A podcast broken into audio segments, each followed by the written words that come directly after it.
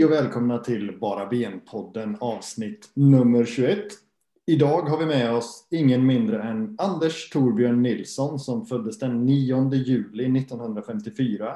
Givetvis infann sig datumet på en fredag med tanke på den 11, långa, 11 säsonger långa fest Torbjörn eh, bjöd fotbollsvärlden på i Blåvitt då.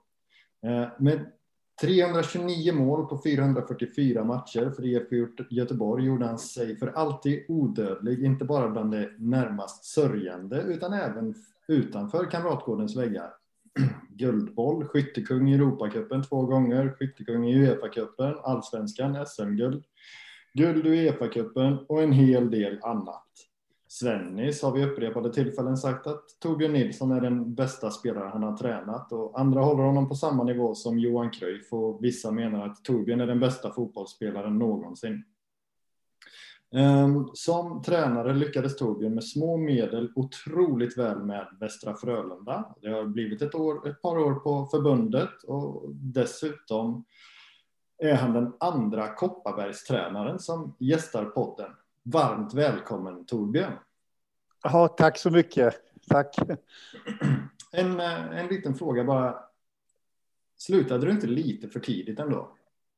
Jo, så här i efterhand så kanske jag gjorde det, men jag, jag, hade, jag hade ett problem och det var ryggen och det var att jag hade stora krav på mig själv att prestera så jäkla mycket på Ullevi. Så att, eh, jag, jag, kom från Tyskland och hade tränat sju, åtta pass i veckan och så kom jag till Blåvitt de sista två åren och tränade fem pass i veckan och jag märkte att jag gick ner i kvalitet. Eh, den här finmotoriken fanns där inte riktigt så och då, då tränade jag väldigt mycket själv. Mm. Och det var två pass i veckan som jag fick köra själv för att bibehålla då den här kvaliteten som jag då ville ha. Ah, okay. Så det var, det var nog mycket det att jag kände att jag eh, um, man 32 år, lite problem med ryggen och tränar väldigt mycket själv för att bibehålla kvaliteten. Men eh, sen när åren gick så tänkte man, vad sjutton, varför fortsatte du inte? Det var ett eh, fantastiskt liv du hade. så att, eh, det är jag lite ledsen för. Skulle spelat kanske två år till, ja. Mm. Men, eh, men, men var det någonting som syntes det, tror du, även för människor utanför ditt huvud, att kvaliteten dalade? Eller var det någonting som, som främst fanns hos dig så att säga? Det var nog mest hos mig själv. Jag ville att benen skulle kännas på ett speciellt sätt. Mm. Så att man kunde göra det man ville med bollen och springa så mycket som man ville. Och, men sen, sen ska man också vara medveten om att Blåvitt vi hade en enorm konkurrens och jag kände ju då tryck ifrån att Johnny Ekström kom upp. Eh, Stefan Pettersson hade börjat eh, röra på sig så att eh, jag kände att jag inte ville vara i vägen heller för den nya generationen. Så att man stod där och var en bromskloss för dem. Eh, så att eh, jag har alltid försökt vara ärlig mot mig själv och mot eh, den arbetsplats jag är på. Vad som är bäst för den. Ja, för det blev någon säsong i Jonsered efter och det var väl också hyfsat nivå och ganska bra facit där också va? Ja, jag höll ju upp i två år först. Jag blev ju kock i två år. Just det. Ja, och så blev jag tränare och så, så gjorde jag ett gästspel där, för jag kände att det, det, det, var, det, var, det var ganska roligt att spela fotboll ändå. det var i dåvarande tvåan, eller?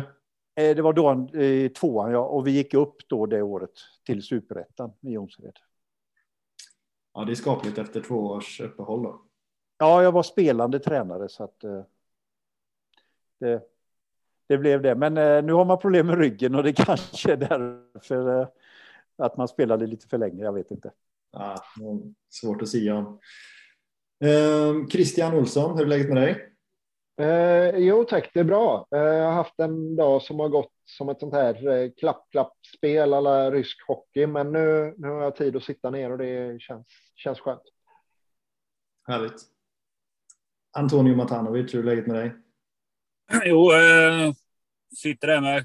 Hade ju, sist vi körde ju podd med Erlingmark där förra måndagen och då sa jag att jag hade en mancold och det blev lite värre. Sen visade det sig att jag har ju corona. Jag fick ju beskedet förra torsdagen där så ja, Tegnell gillar ju där jag bor, 900 meter till närmsta granne, så jag menar vi, vi håller oss där familjen. Så för första gången den här veckan så åkte jag ut med bilen för att sitta och prata med, för att inte sitta hemma. Och det, ja, jag blev faktiskt lite glad att se andra ansikten. Så just nu, även om man är lite febrig och lite allmänt nedstämd kroppsligt, så är jag jätteglad att vara här. Och kul att ha med Torbjörn också. Kul snack och det är ju allsvenskan och två dagar också, även om vädret just nu är november. Så ja, det är kittla gött. Det är bra. Ja, Ja, med mig, är det, med mig är det också bra. Jag är också väldigt glad över att, eh, ja, jag är glad över att Christian och Antonio är här också, men jag är faktiskt lite extra glad över att du är här, eh, Torbjörn. Eh, det är kul. Ja, tack, tack. Allsvensk premiär, två dagar bort. Hur är känslan? Vi kan väl vara vänliga mot gästerna och låta dig börja då, Torbjörn. Hur, hur känner du inför premiären? Är du taggad? Ja, jag, jag, det allsvenska premiären, det är ju på något sätt, jag kommer ihåg från 60-talet när man låg i soffan och lyssnade på Sportradion och allsvenska premiären. Det var något helt fantastiskt då. Tyvärr var jag IFK Norrköping fantast när jag var 12-13 år då, men eh, det var på grund av Ove Kindvall, min idol, så att eh, det, det, gick över sen. Så att, eh. Ja, nej, så det, det, det, ser jag fram emot och det har börjat pratas om Blåvitt igen. Det har ju varit eh, några år som inte... Det har, det har, varit mycket prat, men det har varit mest negativt. Nu är det mycket mer positivt och det är väldigt glädjande. Ja, härligt. Eh, Antonio, hur känner du inför premiären? Ja, den känns faktiskt av i år. Jag brukar vanligtvis jobba påskhelg och jobba mycket helger den här årstiden, vilket jag inte kan göra nu. Så nu har man ju kunnat mer nästla sig in i fotbollens tecken. Det känns jättebra. Jag, det var länge sedan jag kände sån där, sån där förväntan över en säsong som jag gör den här säsongen. Um, som Torbjörn är inne på, det pratas ju också mer positivt om Blåvitt det känner man ju av. Det, det har hänt mycket i det här transferfönstret och det känns verkligen som att man eh, jag vill använda begreppet jag en gång läste i Offside för länge sedan när Håkan Mild kom tillbaka. Då skrev man eh, på första sidan blåvitt gryning. Lite den feelingen jag har för den här säsongen. Att det är en gryning som stundar oss och jag ser fram emot den. Mm. Ja, härligt. Christian? Ja, nej men det, det har ju hänt jättemycket den här våren, eller egentligen hela vägen sen, eh, sen Rolle fick ta över så har det hänt väldigt mycket. Och det allra mesta har känts väldigt positivt. Och vi har varit inne på det här innan att nästan alla spelar försäljningar och spelar byten så att säga och spelade in allting det görs mycket rätt på Kamratgården och det ska bli väldigt, väldigt spännande att se hur det faller ut här nu. Det är en stor förväntan och en positiv känsla som jag inte har haft sedan, eh, ja, men på länge. Mm. Ja, jag, jag, jag funderar på det där med att gå och jag vet inte hur många seriepremiärer Antonio och Christian har gått och och längtat till eh, som spelare själva. Men jag, jag, jag minns ju liksom på, på, en helt annan nivå då givetvis. Men när, man, när det började närma sig eh, serie, seriepremiär och hur det liksom, hur man kände att ja, men kroppen var lite, började göra sig redo och eh, ja, men man hade verkligen längtan i, i hela kroppen på något vis. Men Torbjörn, hur var det att längta efter premiären som elitspelare? Eh, det, det, var, det, var, alltid så att när man började träningsmatcherna så var det roligt för det, det var ett avbrott i, i vinterträningen. Eh, sen gick motivationen ner allt efter ju, ju, fler träningsmatcher man spelade. Och sen så kom ju då den här premiären och ofta var ju det genrepet inte speciellt bra. Men det, det berodde på att alla spelade, i alla fall i Blåvitt var det så, för vi hade ju upplevt väldigt mycket. Mm. Så vi, eh, vi började två, tre veckor innan och det var premiären som gällde. Så då spelar man kanske genrepet på 70-80 procent. Och så var det många som tyckte i tidningarna nu det ser inte bra ut och det, men det, vi visste orsaken så att. Eh, Just men det. Eh, det, det är ju vad alla längtar efter, få tävla. Men hur är det att gå ut på i en allsvensk premiär med all, med all publik och, och, nu är det ju ingen publik i år då givetvis, men hur är den känslan liksom? Ehm, jag vet inte om tränarna är lite annorlunda nu. Förr var det mer att du, då tränade du lagen på eftermiddagarna bara. De kanske bara tränar, vissa allsvenska lag tränar bara kanske fyra och vissa kanske tränar fem pass i veckan. Och det, det gjorde att du byggde upp eh, försäsongen på ett annorlunda sätt än vad man gör idag. Idag är de ju proffs och tränar sju pass i veckan, så man får ju nästan se till så de inte får överbelastningsskador. Mm. Men då, då var det väldigt mycket fys i januari, februari och så spetsade då, om tränaren var väldigt duktig så spetsade han formen så att den skulle dyka upp en vecka innan seriepremiären, men det lyckades inte alltid det där. Så att eh, man var lite orolig när man skulle gå ut, för det kände man när matchen började. Är formen tillbaks? Mm. Ah. Så att eh, det, det, har nog blivit lite annorlunda nu, att tränarna jobbar kanske inte riktigt lika mycket med fys. Mycket, man sprang mycket mer tror jag förr. Det är min, min eh, bedömning. Ja, sprang mycket utan boll också. Va? Sprang, sprang mycket, mycket utan boll och sen hade man kanske inte lika mycket styrketräning som man har idag. Sen, sen vet ju inte jag varför det blir överbelastningsskador om man har så mycket styrketräning som man har nu. Det, men eh, jag är inte inne riktigt i branschen så jag vet inte riktigt. Mm. Jag minns, ja, för vi sprang, vi sprang också mycket utan boll. Jag kommer ihåg, om man inte hade några löparskor så fick man ge sig ut och springa den där milen med fotbollsdojor på asfalt. Liksom. Ja. Väldigt, väldigt viktigt med, med löpning. Ja. Ja, fotboll är ju en löpsport. Så, att, eh... så är det. Och vi har ju en, en, en eh, skyttekung med oss idag. Så vi kommer snacka ganska mycket om målskytte och skyttekungar och fundera på vilka som eh, vilka, vilka kandidater det kan tänkas finnas i allsvenskan på, ja, men på skytteligasegern. Är det någon, um, Antonio, har du några uh, goda kandidater där? Jag tycker det finns ganska många starka namn i respektive lag om man ska se dem som en utpräglad anfallare. Jag tycker det har varit, ehm, Jag tycker generellt sett att det har varit lite sisådär flera säsonger med att ha en riktig striker i allsvenskan. Men eh, det finns flera profiler i år som på ett sätt absolut kan kandidera till toppen eh, jag tog en sån som... Jag tar med honom, för jag tycker en sån som AIKs Stefanelli, där är en spelare som är en utpräglad anfallare. Ehm, en avslutare som är där uppe och vill hugga. Lyckades inte sist när han var i AIK under Rickard Norling. Um, vilket jag tror kan bero på att det var ett spelsätt som inte passade honom. Det där är ju en spelare som vill vara där uppe och bara vänta och nöta avslut rimmade kanske inte riktigt med den filosofi Norling hade då sist han var i AIK. Men det är en lurig rackare där. Det är en sån kille som jag tror att med AIKs lite mer rakare spel, lite mer fokus på försvar och ha kanske lite mer renodlade anfallare på topp som väntar på boll. Tror det kommer passa väldigt väl. Stefanelli är en joker för mig som kan vara med där uppe. Hammarby har Astrid Selmani, en spelare som har gjort en fantastisk resa. Det var inte så många säsonger sedan han spelade i Tors IF. Gått sen via superettan upp och nu då i Hammarby. Gör det väldigt bra. Häcken har fått hem Jeremejeff. Eh, duktig spelare. Gjorde inte allt bort. Tyckte inte han gjorde bort sig helt. Rätta mig fel också. Tyskekorren på andra sidan. Olsson han gjorde ändå ganska hyfsat där i Dresden.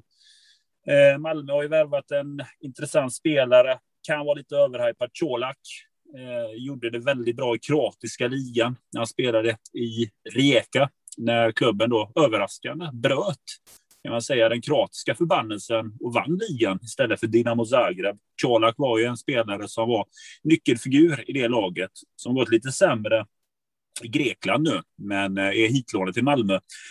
Absolut en lirare eh, som kan ställa till det. I Blåvitts fall, Marcus Berg, han kommer ju till sommaren, visserligen. Det är bara åtta matcher dit, han kan absolut vara med i toppen i allsvenska skytteligan och mm. vara med där här om man får en pigg start. Sen eh, Totte Nyman, Norrköping, som vann förra säsongen. Riktigt bra anfallare kommer vara med där och härja. Eh, och sen vill man ju tillägga att eh, Sargon Abraham bör göra mer än tio mål den här säsongen av all i Degerfors. Ja, det var väl nästan alla, alla kandidater där. Ja, men lite så. Ja. Jag lägger nog mina pengar på Nyman där tror jag. Eller Marcus Berg om han får en pigg start, absolut, då kan han vara med där och, och, och bråka också. Men Nyman tror jag kommer göra en 20 mål i år alltså. Ja, är Haksabanovic med ett tag där? Haksabanovic är också en poängspelare till Nyman. Då blir de luriga den där duon. Om inte Haksabanovic sticker nu till sommaren bör han göra. Men är han kvar ganska länge så kommer ju Totte vara högt med. Ja, ja, det kommer han. Han gör så mycket själv också. Ja, han är en bra spelare. Ja. Eh, Torbjörn, har du? Eh, det, det, jag, jag har inte den eh, bakgrunden här som det var en riktig expert här som eh, hade koll på läget. Nej, Jeremejeff tror jag kan, eh, det är en jättebra fotbollsspelare. Sen, eh, eh, jag vet att han, eh, han och Paulinho, när de spelade ihop i Häcken, så, så gick ju Jeremejeff tror jag på sommaren där tror jag. Mm. Eh, och då hade han nog kunnat vara med och, hota på toppen i skytteligan där, men eh, han spelar ju bara en halv säsong. Så att, eh, sen, sen tycker jag han inte fick tillräckligt med speltid i, Malmö när han var där för att kunna hota. Nu, nu kommer han säkert att få tillräckligt med speltid. Ja. Christian, har du några fler namn? Nej, inga fler egentligen, men jag, jag tror nog eh, Selmani. Eh, mm. Ja, det är nog eh, mitt första tips tror jag. Sen kommer ju Marcus Berg göra mycket mål eh, om han kommer hel och frisk efter EM. Mm. Luriga där med Astrid Selmani där är också att han har ju en riktigt bra poängspelare bredvid sig. Man glömmer mm. ju oftast, det är sådana spelare man inte nämner så ofta, men han som eh, Gustav Ludvigsson som kom från ÖIS då gick till Bayern. Han vann ju faktiskt assistligan förra säsongen för allsvenskan. 11 assist då ihop med Sead Haksabanovic. Men det där är en mm. sån här riktig terrier där uppe som sliter för fullt och är en riktigt jobbig typ att möta. Jag eh, tror att eh, det där är en sån spelare som kommer bara vara väldigt nyttig för Astrid också, som inte extremt osjälvisk. Han slita efter en boll, men absolut direkt efter bara passa den vidare. Och man ser att Astrid Selmani är ett bra läge istället för att ta avslutet själv. Mm. Eh, den duon kan bli riktigt vass i år. Mm. Ja, det är sant. Men Marcus Berg kommer ändå ha 22 matcher på sig. Blir det va? Stämmer. Ja. Um, ja, det skulle kunna bli rätt så många strutar där också i och för sig. Ja, men han ska, vara, han, kommer, han ska ju vara med i toppen, Marcus ja. Berg. Absolut. Han, kom ihåg att han vann ju skytteligan när uh, han blev såld för tusan.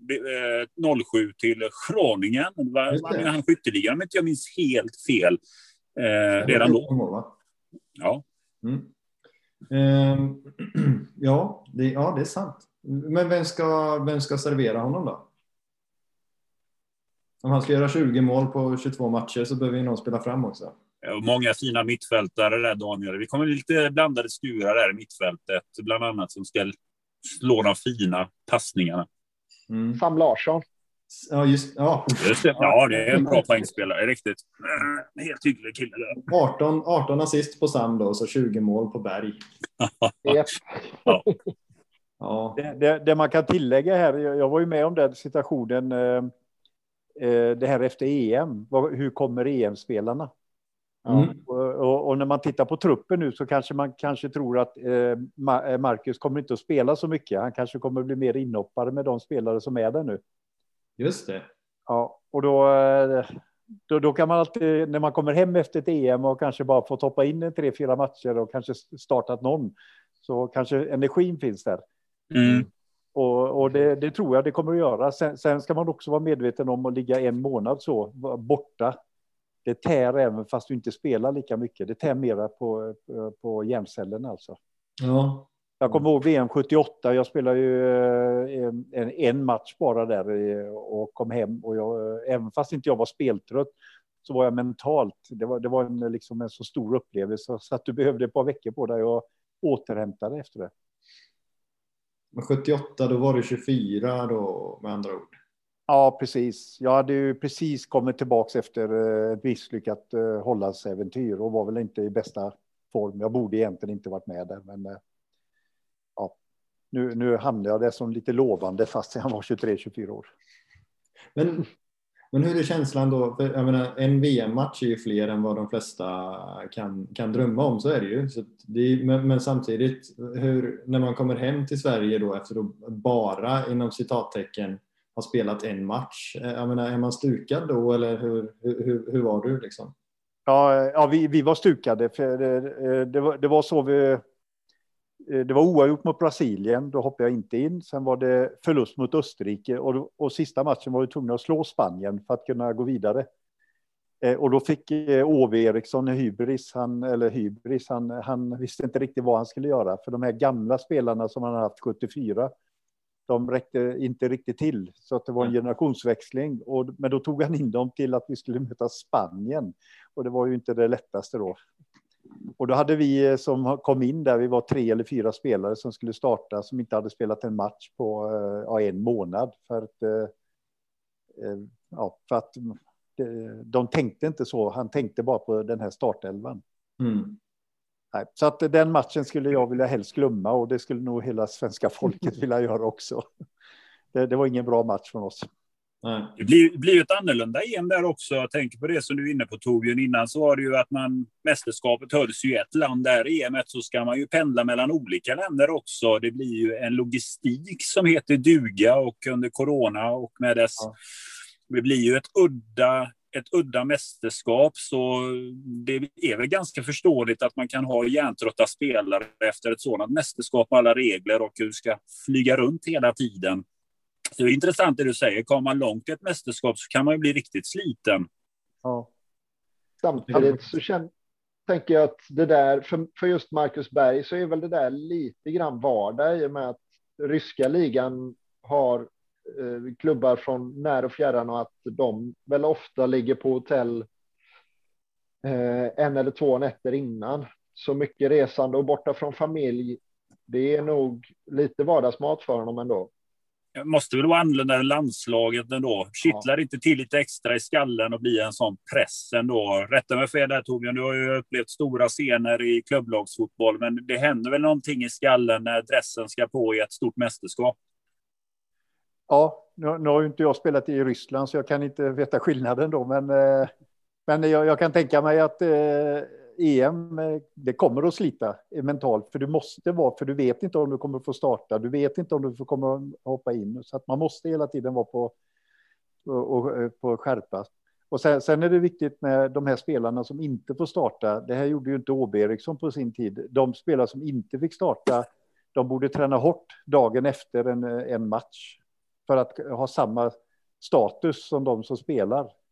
Utan då var det lätt träning dagen efter för, för de som spelar och det blev det även för de som hade eh, inte startat. Jaha.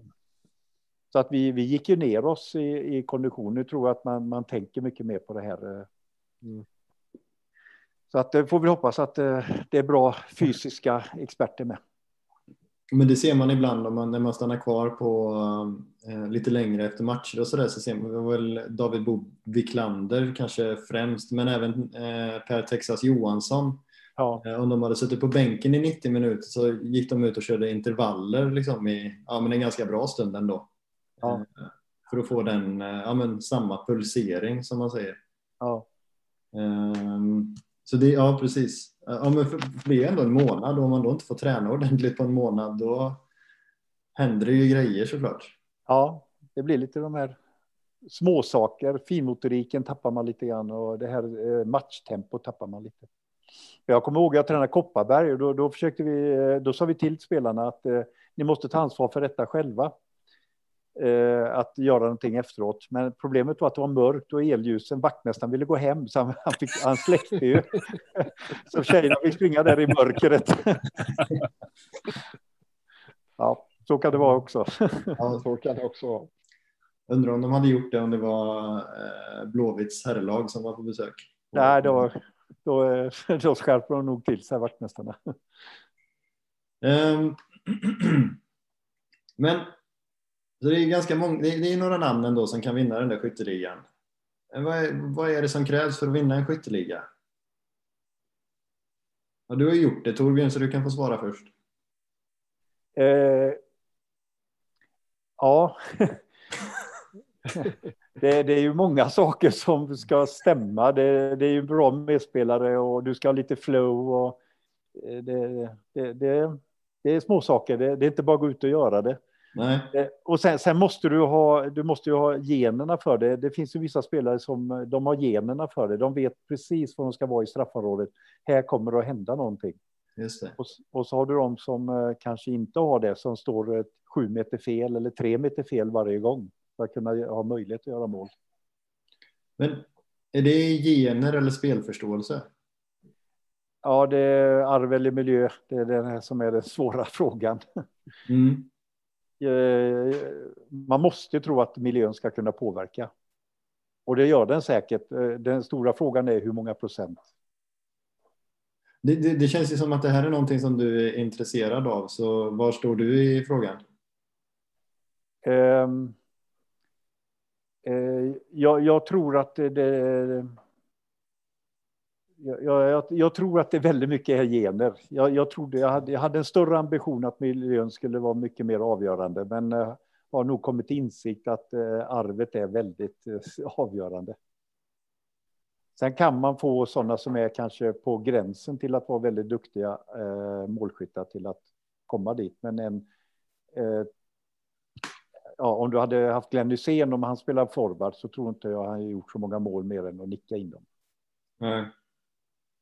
Men... Där, där var han väldigt duktig, men att stå rätt och komma rätt till inlägg och sånt där, det, det, det, den förmågan hade inte han, utan han hade, hade ju den andra förmågan att förhindra mål istället.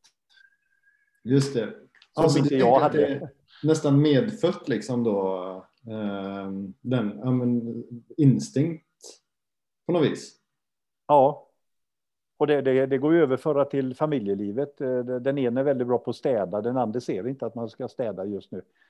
Och är väldigt bra på andra saker till exempel. Så att, eh, Jag kan relatera till det senare där. Ja, men det ser väldigt snyggt ut bakom dig. Så att, så att, eh, Kanske inte är min förtjänst. Nej, kanske det. Um, Antonio, vad tror du om uh, det här med att, vad som krävs för att vinna en skytteliga? Ja, det, det, är ju bra mot medspelare först och främst, men eh, det finns väl två sorters anfallare egentligen om man ska hårdra det. Jag kommer ju ändå från en tid där jag tycker att man fanns då inom fotbollen mer en utpräglad nummer nio eh, som var där och härjade. Lite glad över att man börjar se lite sådana spelare komma tillbaka nu. Det är därför man blir så fascinerad över en sån spelare som Eh, Håland i Dortmund. Eh, det där är sån här typisk nummer nio. Och det fanns ju många fler sådana spelare förr. Idag så är anfallare mer mångsidiga, hur de rör sig, var de befinner sig, att de går ner, hjälper till i mittfältet. Eh, assistspelare. Men eh, för mig så jag, jag är alltid knäsvag för en riktig nummer nio som säger lite som Torbjörn säger där, har det i sig, vet var man ska stå. Bollen kommer fram på ett vänster, i en trocklig hörnsituation så rullar bollen lite grann åt sidan, så dyker mm. han upp där från ingenstans och bara placerar in det. Eh, jag tycker det, det har försvunnit lite grann. Jag, inte, jag skulle vilja höra Torbjörn där, din teori, varför eh, det här med den rena nummer nian, varför har han försvunnit? Varför fanns det mer nior förr i tiden egentligen? Ja, det, eh, det, det är en väldigt komplex fråga. Den är väldigt bra att du tar upp. Jag måste, det är därför jag frågar dig, för ja. jag har inget svar själv. Nej, Nej det, um, jag, jag, tror en, en, sak, eh, det här med spansk fotboll, jag, jag, eh, jag älskar ju Barcelona när de var som bäst och jag älskar det här när de höll bollen. Och, men då hade de Messi som alltid kunde rulla upp ett försvar. Precis. Jag själv, när jag spelade så hade vi fotbollsspelare på mittfältet som var väldigt målinriktade. Hade jag haft en spelare som på mittfältet i Blåvitt som, som bara tittade i sidled för de skulle spela kort, då hade jag blivit tokig som forward alltså. Mm. Så att jag, jag, tror det ligger en del i spelsystemet att vi inte får fram den här nummer nio, utan det blir att man ska ingå i det här att man ska behålla bollen.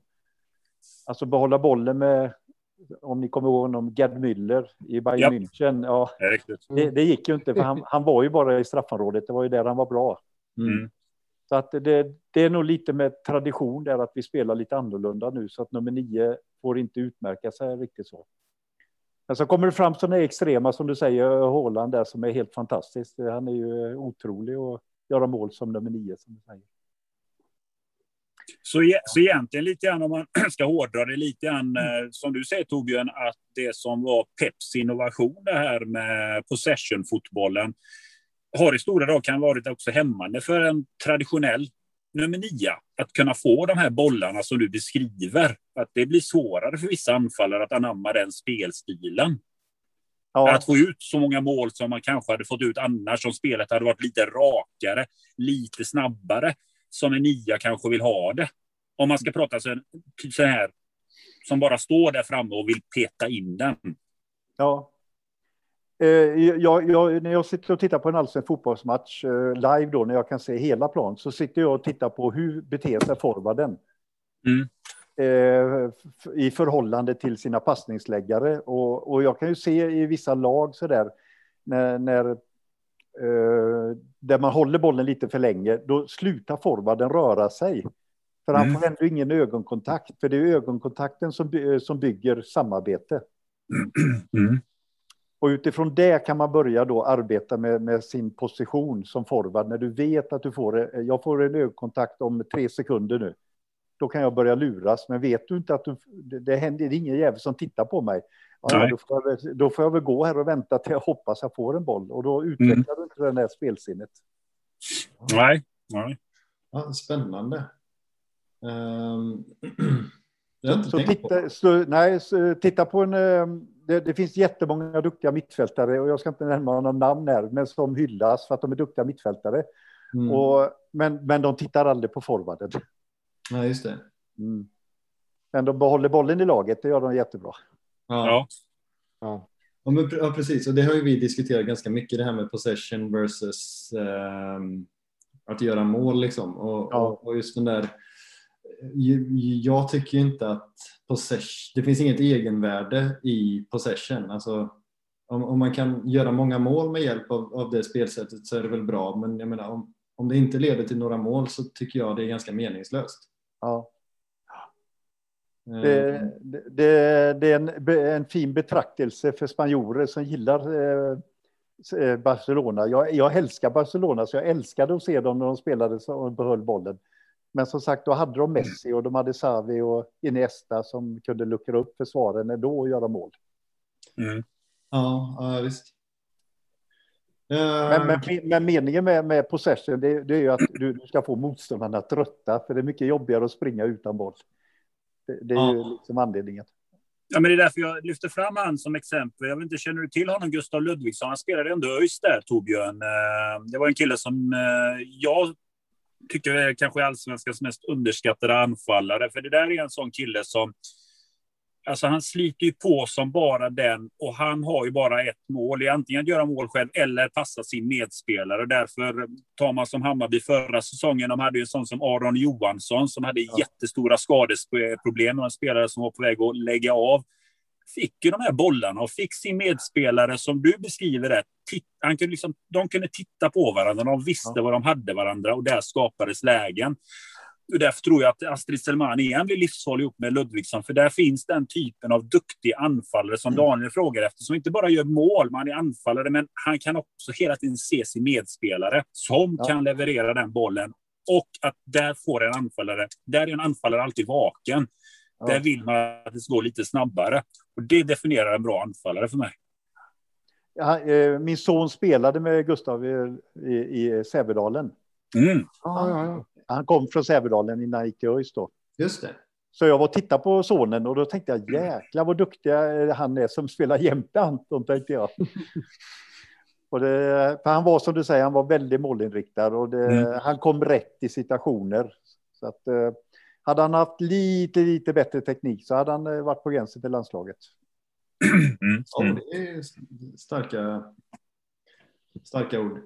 Och det stora ord säger Eh, det, det, jag, jag, håller på med en, eh, med en bok som, eh, där, jag beskriver, där vi har lite specialövningar med. Och en heter Zlatan, mm. en av de här specialövningarna. Och, och då, då, då, då, i den övningen så bygger det på två, att forwarden kan agera på två olika sätt.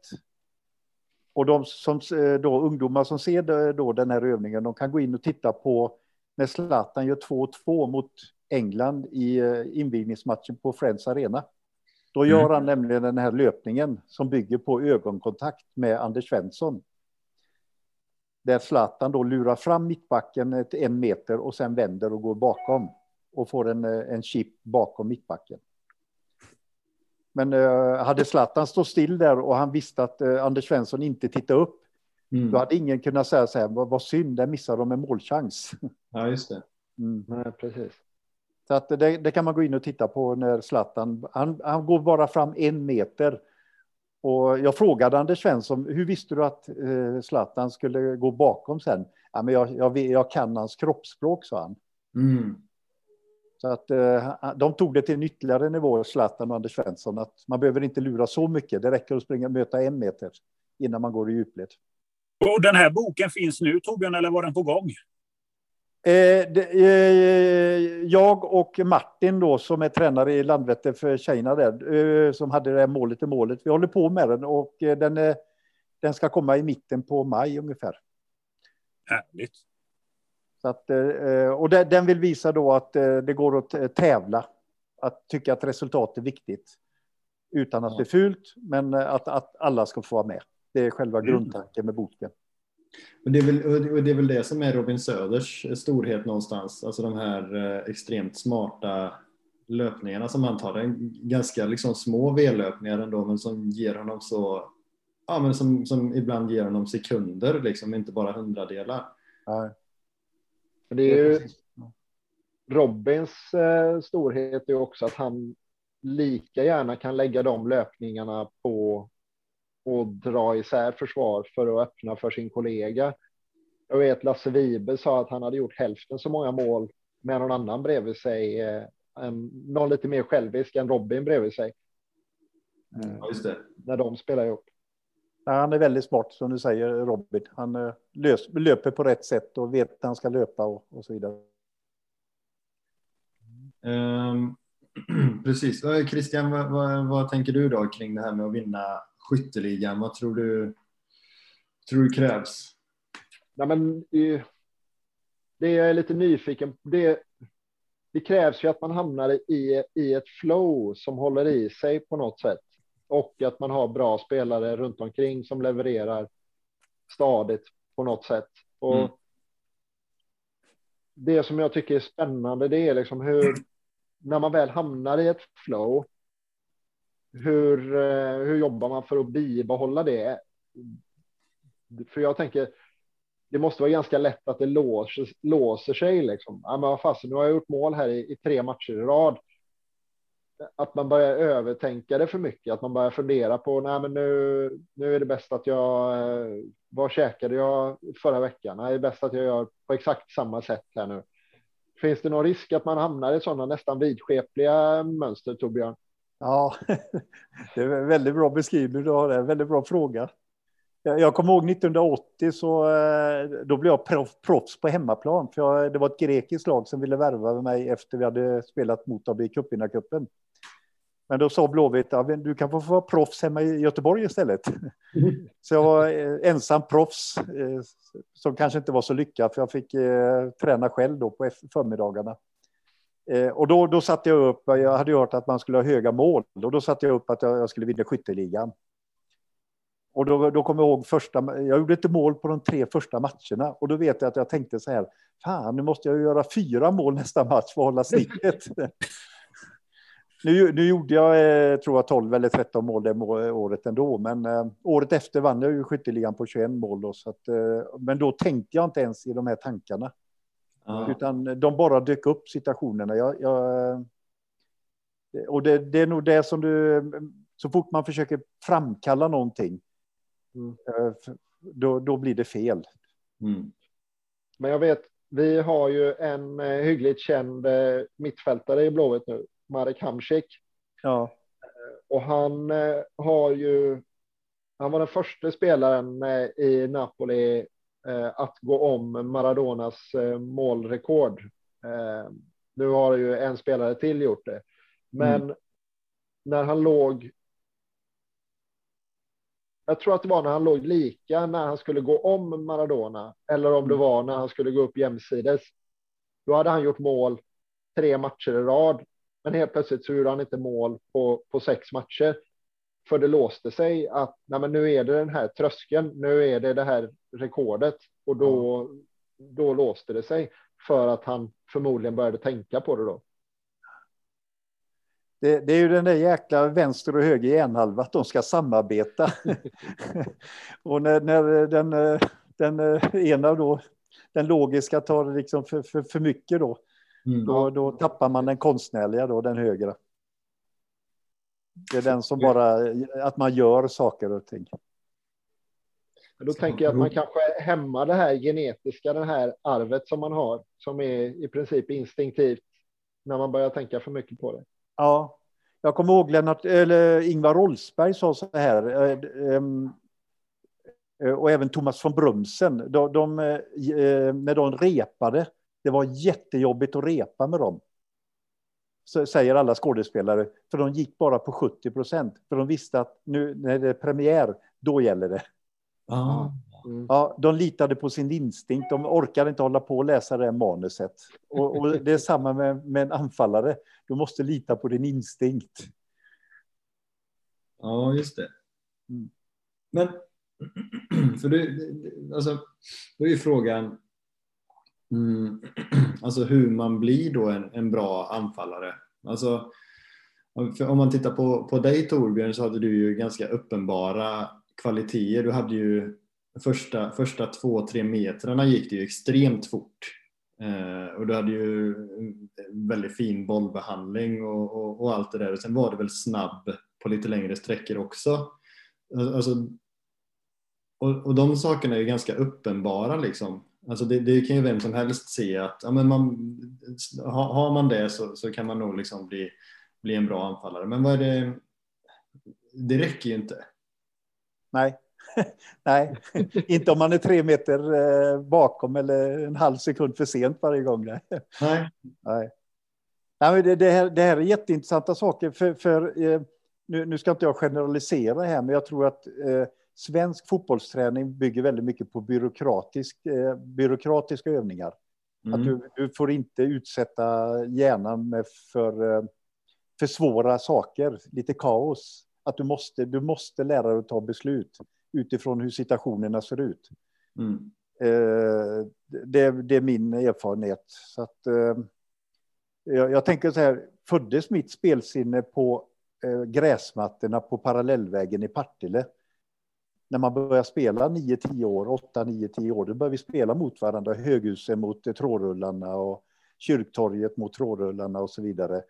För det, det, det, det var djungens lag där alltså. Mm.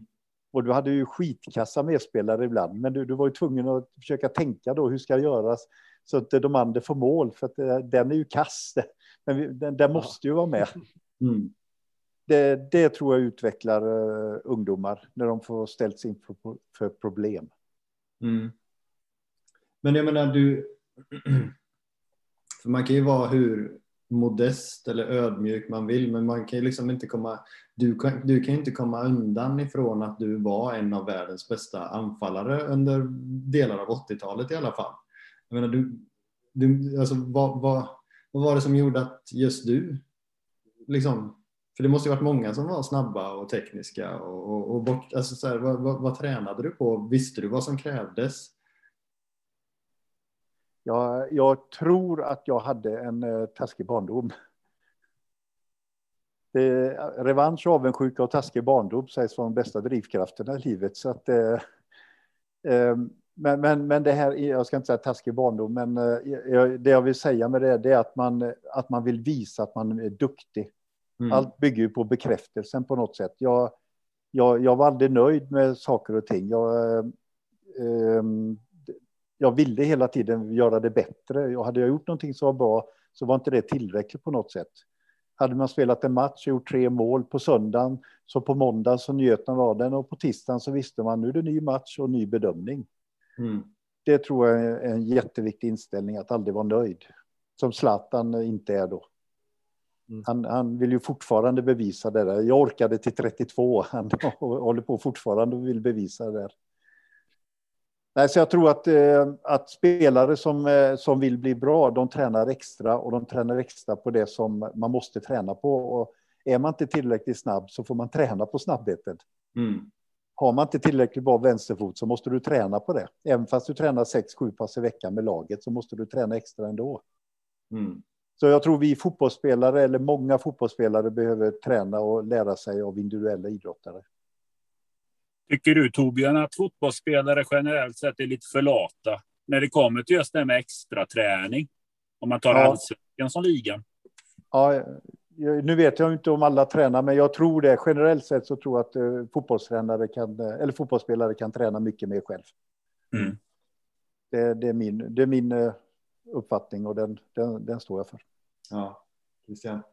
Jag vet att eh, flera av våra juniorer eh, som har kommit upp har tränat mycket extra med personlig tränare. Eh, Malmros Mm. vet jag har haft Emil Holm och August Erlingmark och flera av de andra har varit där och kört extra. Men då, då pröjsar de ju det ur egen ficka så att säga. Men jag vet att Emil Holm till exempel tränade jättemycket extra just för att få upp explosiviteten och bli riktigt snabb. Och det, det blev ju liksom hans USP egentligen. Det var ju det han var riktigt bra på ett tag på högerbacken. Han var inte superbra defensivt, men han tog sig jävligt snabbt fram in i straffområdet och så blev det lite halvfarligt eller en straff. Mm. Så det, det finns nog utrymme för dem att göra det. Frågan är om, om klubben kanske borde tillhandahålla det till och med. Ja. Jag, jag tror ju på, eh, det, det är ju jättebra det här med personliga tränare. Nu läste man ju lite hemska rubriker om det, för det, det är ju ganska vanligt i Stockholm det där att man, att man har personliga tränare. Sen är det några som har utnyttjat det här mot tjejer då, det är ju beklagligt då, men eh, jag tror att man kan ta tag i det själv, att man gör en analys av sig själv, vad är det jag behöver bli bättre på? Så man inte tränar en fint eh, eller en frispark eh, fyra, fem timmar extra i veckan. För det, det har du inte stor nytta av. En fint, den blir du snabbt... eh, ja, det, det, det, lä- det läser en motståndare ganska snabbt om du har någon specialfint. Mm. Så att, eh, det, är att kasta pärlet i svinen tycker jag. Men vad tränade du på då? Extra liksom? Löpning Löpning? och, eh, styrke, löpning och eh, styrketräning för benen. Eh, Så att det här att kunna vända och kunna eh, vad heter, det, använda farten. Alltså har du inte fart i, i elitfotbollen så, så då är du förlorad. Ja. Så det, det förstod jag att jag, jag måste träna på kraft och vända, eh, stå still och kunna gå från hastighet noll till eh, så fort som möjligt och så vidare. Så jag ja. byggde mycket min spelstil på tempoväxlingar. ja, du hade ju rätt så rejäla stockar när det begav sig. ja. ja, de är inte så, de är som sparris nu om man jämför. Så. Ehm, men eh, men, ja, det är då spelsinne och, och någon typ av explosivitet. Eh, men vilken är, den, tro, vilken är den allra viktigaste då ingrediensen? För man har ändå sett liksom ganska habila bollspelare göra ganska mycket mål.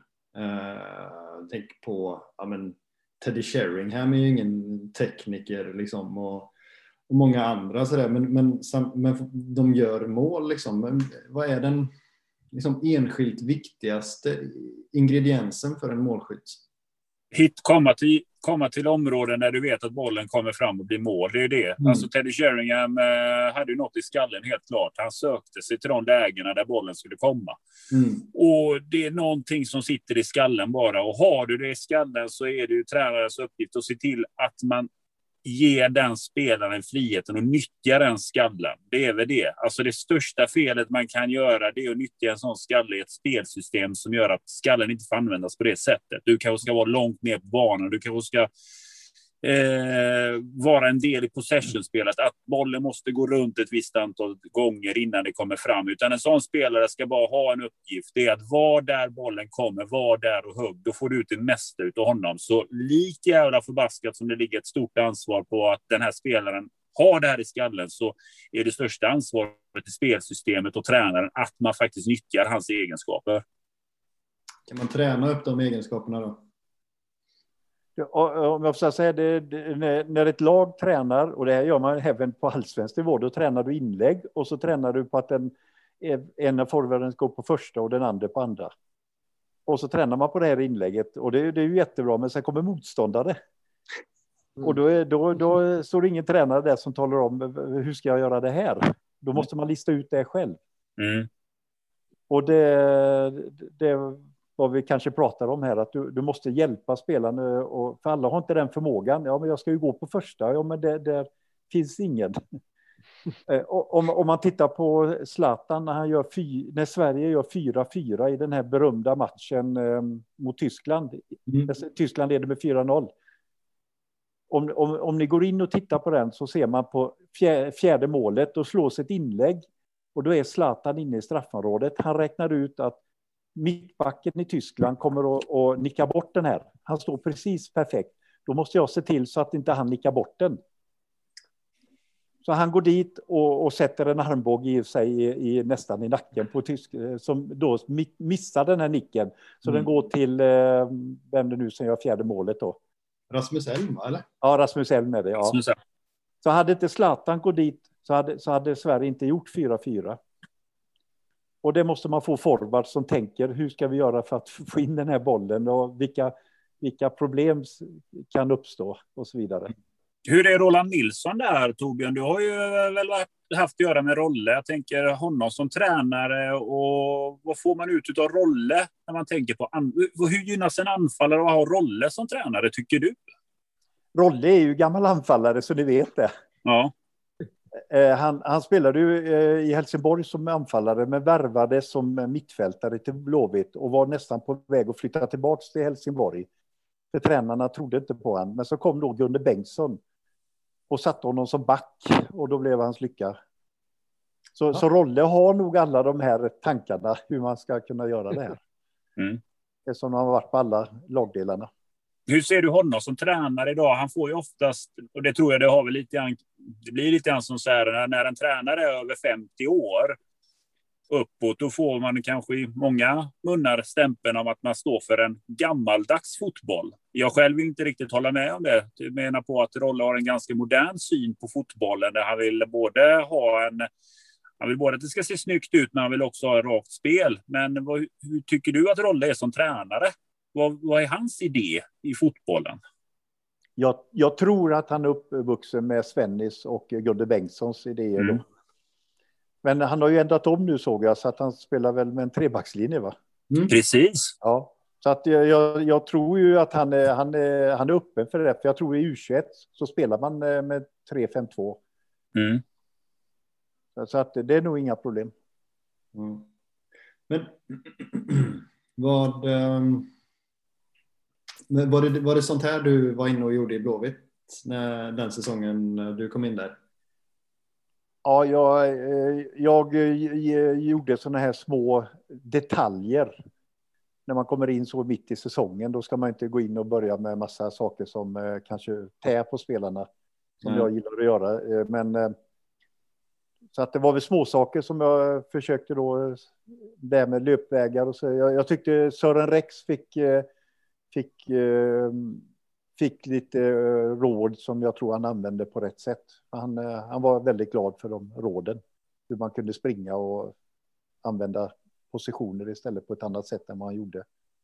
Ja, det var, han var ute i media och berömde och han var väldigt glad över det ju. Kommer jag ihåg. Ja, vi, vi, vi stod varandra, jag och Sören. Ja. Men vad, vad är det här för tärande grejer som du hellre hade gjort med spelarna om du hade haft tiden? Eh, spelat en mot en. Mm. Ja. Eh, det, det, det, tycker jag man ska göra väldigt mycket. Men vi, vi hade nästan eh, match var fjärde dag, så det gick inte att spela en mot en. Eller, två mot två och så där och att de fick lära sig att utmana den där känslan att utmana. Den är så viktig. Håller man på att träna spelsystem lite för mycket som eh, som jag tyckte Alf så här efter han gjorde lite för mycket. Han, han förlitar sig för mycket på spelsystemet. Du förlitar dig inte på spelarnas kvalitet. Mm. Då, då, är det lätt att det blir eh, byråkratiskt spel som jag tycker det, det blev lite det halvåret jag var där. Han var jätteduktig i mycket annat, eh, Alf, men eh, i den aspekten så, och det, det, är lätt när det, när det blir som press som det blir. När man blir tränare i Blåvitt så är det en enorm press på en. Och jag kände så i början, inte så i början när jag kom in i, jag försökte vara där med skratt och sånt där och att man kunde vara seriös på träning men det ska kunna skrattas ändå. Men jag kände ju mer tiden gick, ju mer kände du det här trycket från media och sponsorer och allting. Så att eh, det är inte lätt. Det är lätt att stå på läktaren och tycka en massa saker, men eh, att vara där ute och utföra det med den pressen, det är inte lätt. Nej, det, det, nej, det kan jag tänka mig. Eller nej, det kan man ju såklart inte sätta sig in i. Men... Och jag, jag glömde en sak förut som jag måste säga som är, som är jätteviktig det här angående rollersystem då. Mm. Eh, eh, jag, eh, vi hade Hasse Karlsson i IFK Göteborg 77-78. Nu spelar jag bara 78 IFK då, men och Hasse då, han var väldigt mycket för att vi skulle ha individuell frihet. Och vi, jag tror vi blev femma i allsvenskan det året, 78. Och sen kom Svennis och började strukturera upp träningarna. Och, och, det kan man tycka då att han tog bort friheten för oss. Men det, det konstiga var då att jag upptäckte att jag blev mycket mer att jag fick en annan konstnärlig eller frihet när jag fick vilka, vilka ramar vi skulle röra oss innanför. Mm. Och det här känner jag igen mig själv som människa nu. När jag får vissa ramar, då blir jag konstnärlig. Men finns det inga ramar, då, då, då blir det konstnärliga ingenting. Just det. Och det tror jag Rolle är bra på, att se till att det finns ramar och låta dem få vara konstnärliga i de här ramarna. En fråga det... där, ja, den, är, den är bra, för nu är du inne på det. Jag måste fråga dig Torbjörn ändå, för att eh, vi har ju upplevt eh, de senaste säsongerna så har det ju sett ut som det har gjort. Det har varit lite, det har varit kämpigt sportsligt. När klubben för ett par år sedan aviserade att nu ska vi spela på ett annat sätt. Nu ska vi förändra IFK Göteborg. Vi ska bli en attraktiv klubb. Vi ska få hit unga spelare och vi ska vara en klubb för allihopa. Eh, då gjorde man ju det med en klubb som, då hade man redan spelarna på plats som spelade på ett visst sätt innan och att då komma in och säga nu ska vi förändra så mycket. Ja. Vi såg det sportsligt, att det gick inte så bra. Vi hade en, också en väldigt orutinerad trupp, men vad gör det med en spelare när man vänder upp så mycket på en gång? Ja, det, det är en jättebra fråga. Jag, för jag tror precis som du säger, det, det, blev, det blev kaos en del spelare. De fick press på sig att vara kreativa. Nu fick de ju ett system att man skulle behålla bollen, men det blev att spelarna i det här Poja-systemet blev, det var viktigare att behålla bollen än att göra mål. Mm. På något sätt. Har jag bara behållit bollen i laget så har jag eh, liksom gjort mitt jobb.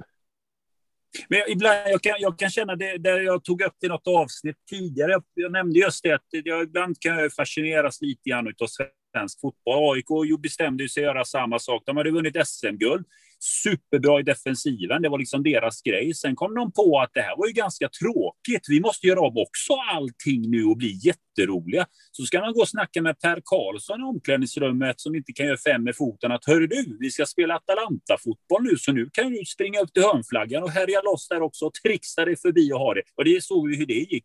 Sen vad slutade det med? Man tog tillbaks, tog in en ny tränare och insåg att vi gör som vi gjorde förr det var ganska bra ändå. På något sätt så kommer alltid lite grann tillbaka till sitt DNA att okej, okay, nu har vi pillat lite grann här. Vad är vi bra på?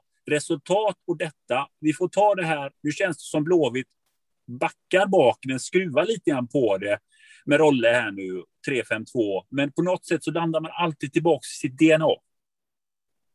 Mm. Ja, men det, det, är en väldigt bra beskrivning. Du, du, måste ha, du måste ha de spelarna för att du ska kunna klara att behålla bollen i laget. Och så kanske du måste ha en Messi som inte Blåvitt hade då. Mm. För att kunna göra mål.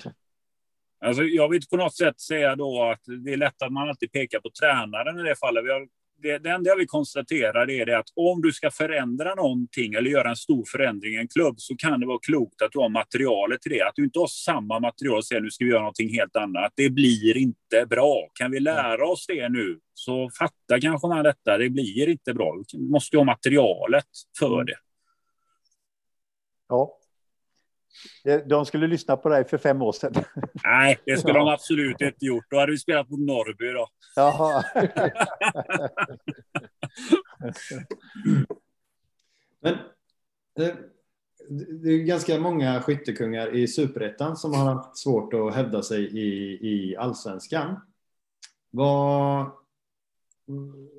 borde man, om, om, man liksom, om man kan göra 17 mål i, i superettan, då har man ju uppenbarligen egenskaper vad är det som gör att det blir så svårt att nyttja de egenskaperna i, i allsvenskan?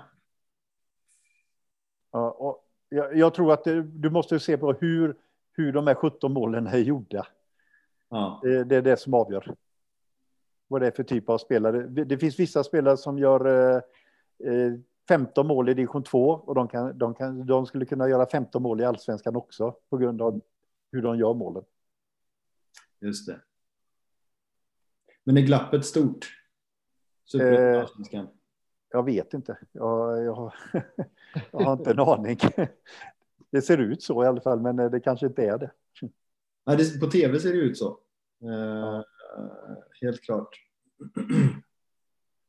Men eh, det här tv-programmet som du gjorde, det handlade ju ganska mycket om det här med, med tävling på, på träning och sådär. Um, målet i målet. Ehm, hur viktigt är det att tävla eh, när man tränar? Eh, ja, jag tror ju inte höjdhoppare springer och hoppar höjdhopp utan att sätta upp en ribba. Nej. Utan eh, barn spelar fotboll på rasten, då möter de varandra, de, de tränar inte passningar. Nej, och där är du inne på någonting intressant för sen 2000, beslutet fattades 2015 tror jag va, men sen 2017, jo, sedan 2017 så, är alltså, så får barn upp till 13 inte räkna poäng. Jag vet inte om de räknar mål på matcherna, det vet jag inte riktigt. Men vad, vad tycker du om, om det beslutet? Um, om det skyddade barnen så, så är det ett bra beslut. Men eftersom, ja. eh, eftersom eh, det gäller att hitta sjukdomen. Mm. Sjukdomen är ju föräldrar och tränare. Ja. Så att, eh, jag kommer ihåg det här målet i målet så, så, så, hade vi en jätteviktig match med killarna. Det var om vi skulle kunna vara med och, och slåss om seriesegern i den här i, eh, serien vi spelar i. Ja. Och så mötte vi, eh, jag kommer inte ihåg vilka du mötte, men vi förlorade med 4-1 eller 4-2.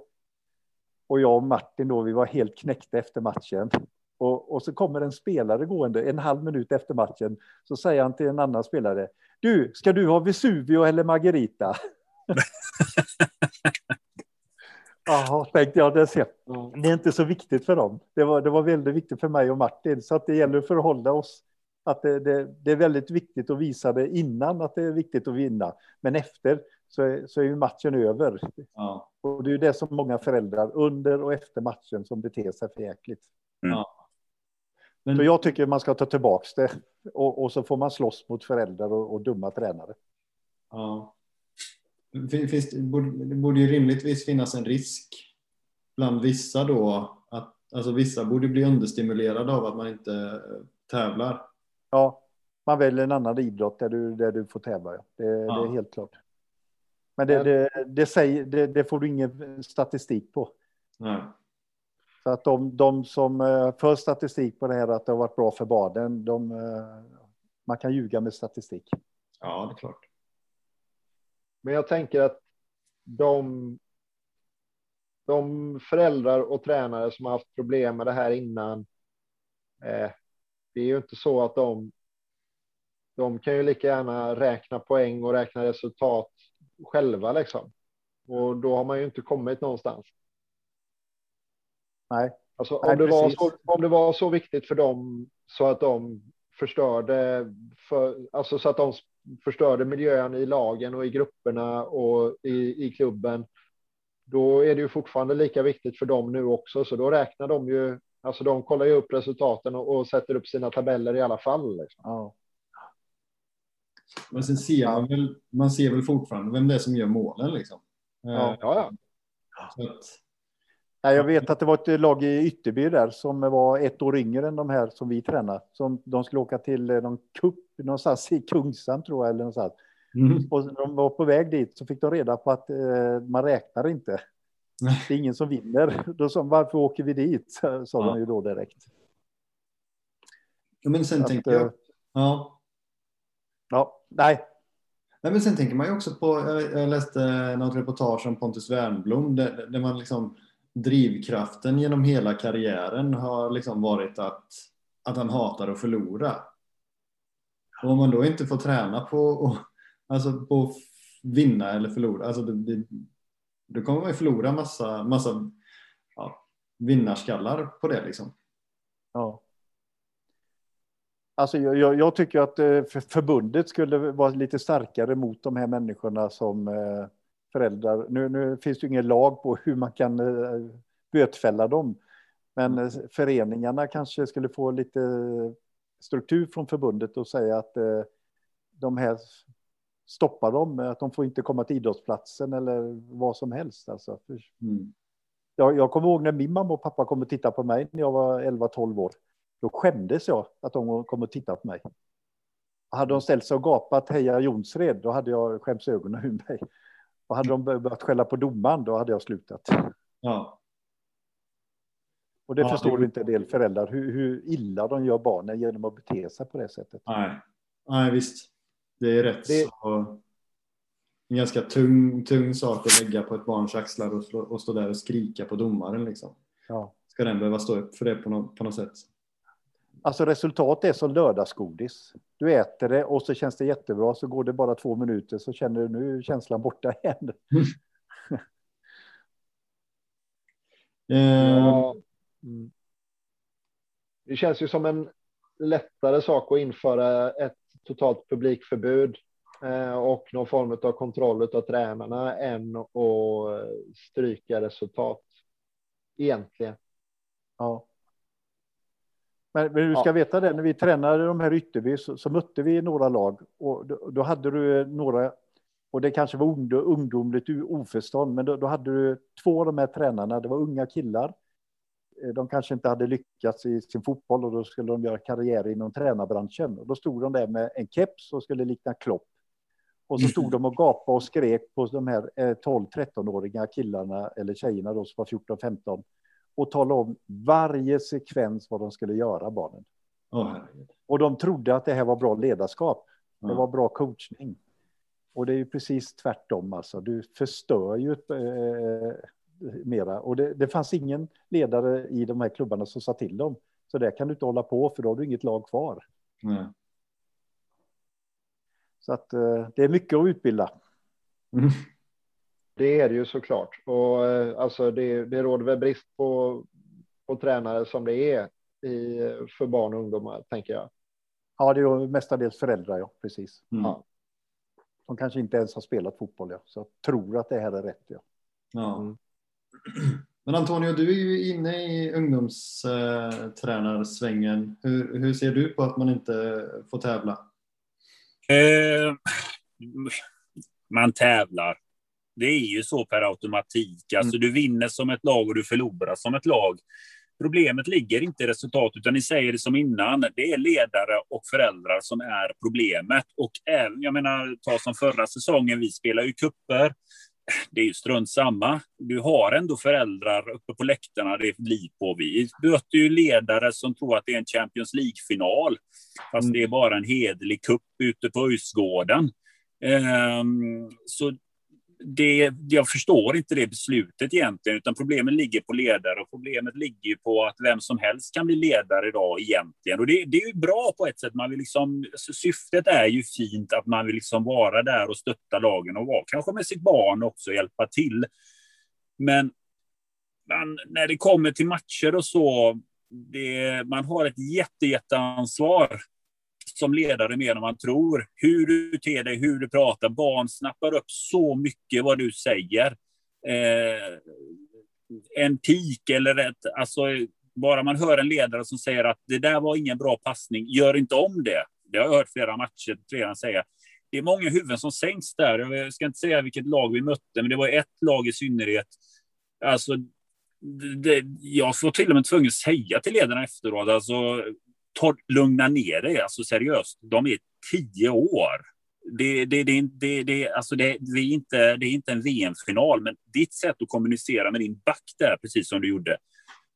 Om du tror att hon inte kommer göra ett misstag framöver, det är det precis som kommer göra, för hon är livrädd nu för den här bollen. Alltså det, ledare och hur många beter sig på planerna, det är Torbjörn beskriver det rätt. Det är många Helmut Klopps där ute. Otroligt många.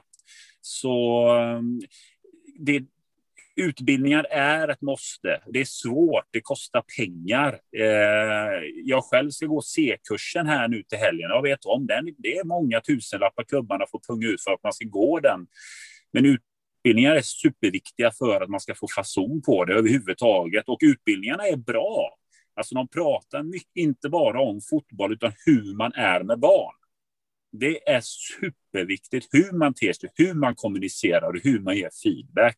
Det är sånt man måste lära sig för att barnen ska få bästa möjliga förutsättningar och för att de ska i synnerhet tycka att det är lika roligt. För problemet idag för, för eh, ungdomsidrotten det är att det är så många som hoppar av när de kommer till tonåren. Och det är pressen som börjar komma, att det blir en kravställning. Och krav kan man förmedla på många olika sätt. Eh, men det kan fortfarande vara kul. Tyvärr så misslyckas många där. Mm. Ja, det, det, borde ju vara ganska enkel matematik egentligen. Skäll inte på, man, på barnen. Liksom. Man tycker ju det, men det är inte så lätt i många klubbar. Det är jättestora brister. Torbjörn, du ser mycket mer än vad jag gör. Jag har varit igång här i två och ett halvt år. Ehm, men det finns, man ser vissa klubbar där man undrar. De har inte ens pratat om värdegrund i den föreningen överhuvudtaget. Det finns knappt någon om man ska vara helt ärlig. Nej. Ja, och så straffar man barnen som antagligen tyckte det var ganska kul att tävla. Eh, Precis. Ja, för att föräldrarna inte kan bete sig. Det är ju yep. anmärkningsvärt. Men så är det. Vi ser ju också på våra läktare. Det finns ju, ja. det finns ju folk överallt som tycker och tänker. Och ja. Det vi ser på allsvenska läktare, det domare kan höra, det kan de även höra på yngre nivåer. Absolut, absolut. Ja, det är kass. Torbjörn, har du gjort mål mot Örebro? Det, det, vet jag inte. Jag kommer inte ihåg. alltså det är så eh, synd om Örebro. Alltså alltid när vi ja. pratar med Örebro så bryr sig ingen om Örebro. Och Torbjörn Nilsson kommer ju inte ens ihåg om han har gjort mål mot dem. Alltså ja, det är något med Örebro. det är 35 år sedan. Va? Det är ingen ålder. Nej. Det hade man ju kunnat kolla upp i förväg såklart. Men äh, du har antagligen slagit Örebro i alla fall. Eh, det har jag gjort, ja. ja. Jo, men jag har säkert gjort mål på, på Örebro. Ja, det tror jag. Är det. Ja. Eh, men det var 35 år sedan som sagt. Eh, på lördag möter vi just Örebro. Eh, hur ska vi slå dem då? Vad har, vi för, vad har Blåvitt för styrkor 2021? Ja, jag är inte mannen att kunna svara på det, så att det har jag nog sådana som har bättre koll på än vad jag har. Vad tror Christian? Jag tror att det kommer vara lurigt. Ehm, jag tror till exempel inte att Marek Hamsik spelar. Nej. Ehm, lite för att det är konstgräs och sen kommer en radda med naturgräsmatcher efteråt. Ehm, och att han ju har haft lite problem med den här vaden. Men Ja, nej men eh, vi, ja, det är Sanna som får göra det igen. Sanna ja. och Tern. Eh, ja. Som får göra det framåt. Eh, och eh, ja, nej men eh, det är det vi har att förlita oss på. Och det är, alltså, det är inte dåligt och det är inte lite så. Mm. Men jag skulle jag vara tvungen att, att sätta mitt eh, hus och hem eh, på den här matchen så hade jag nog spelat på ett kryss. Det är så pass? Ja. Mm. Kanske Wilhelmsson också. Han såg ju riktigt pigg ut mot, eh, mot Malmö. Alltså, på tal om det där med att vara på rätt plats vid rätt tillfälle så där, och så, där, så såg han ju, han ser riktigt eh, smart ut alltså.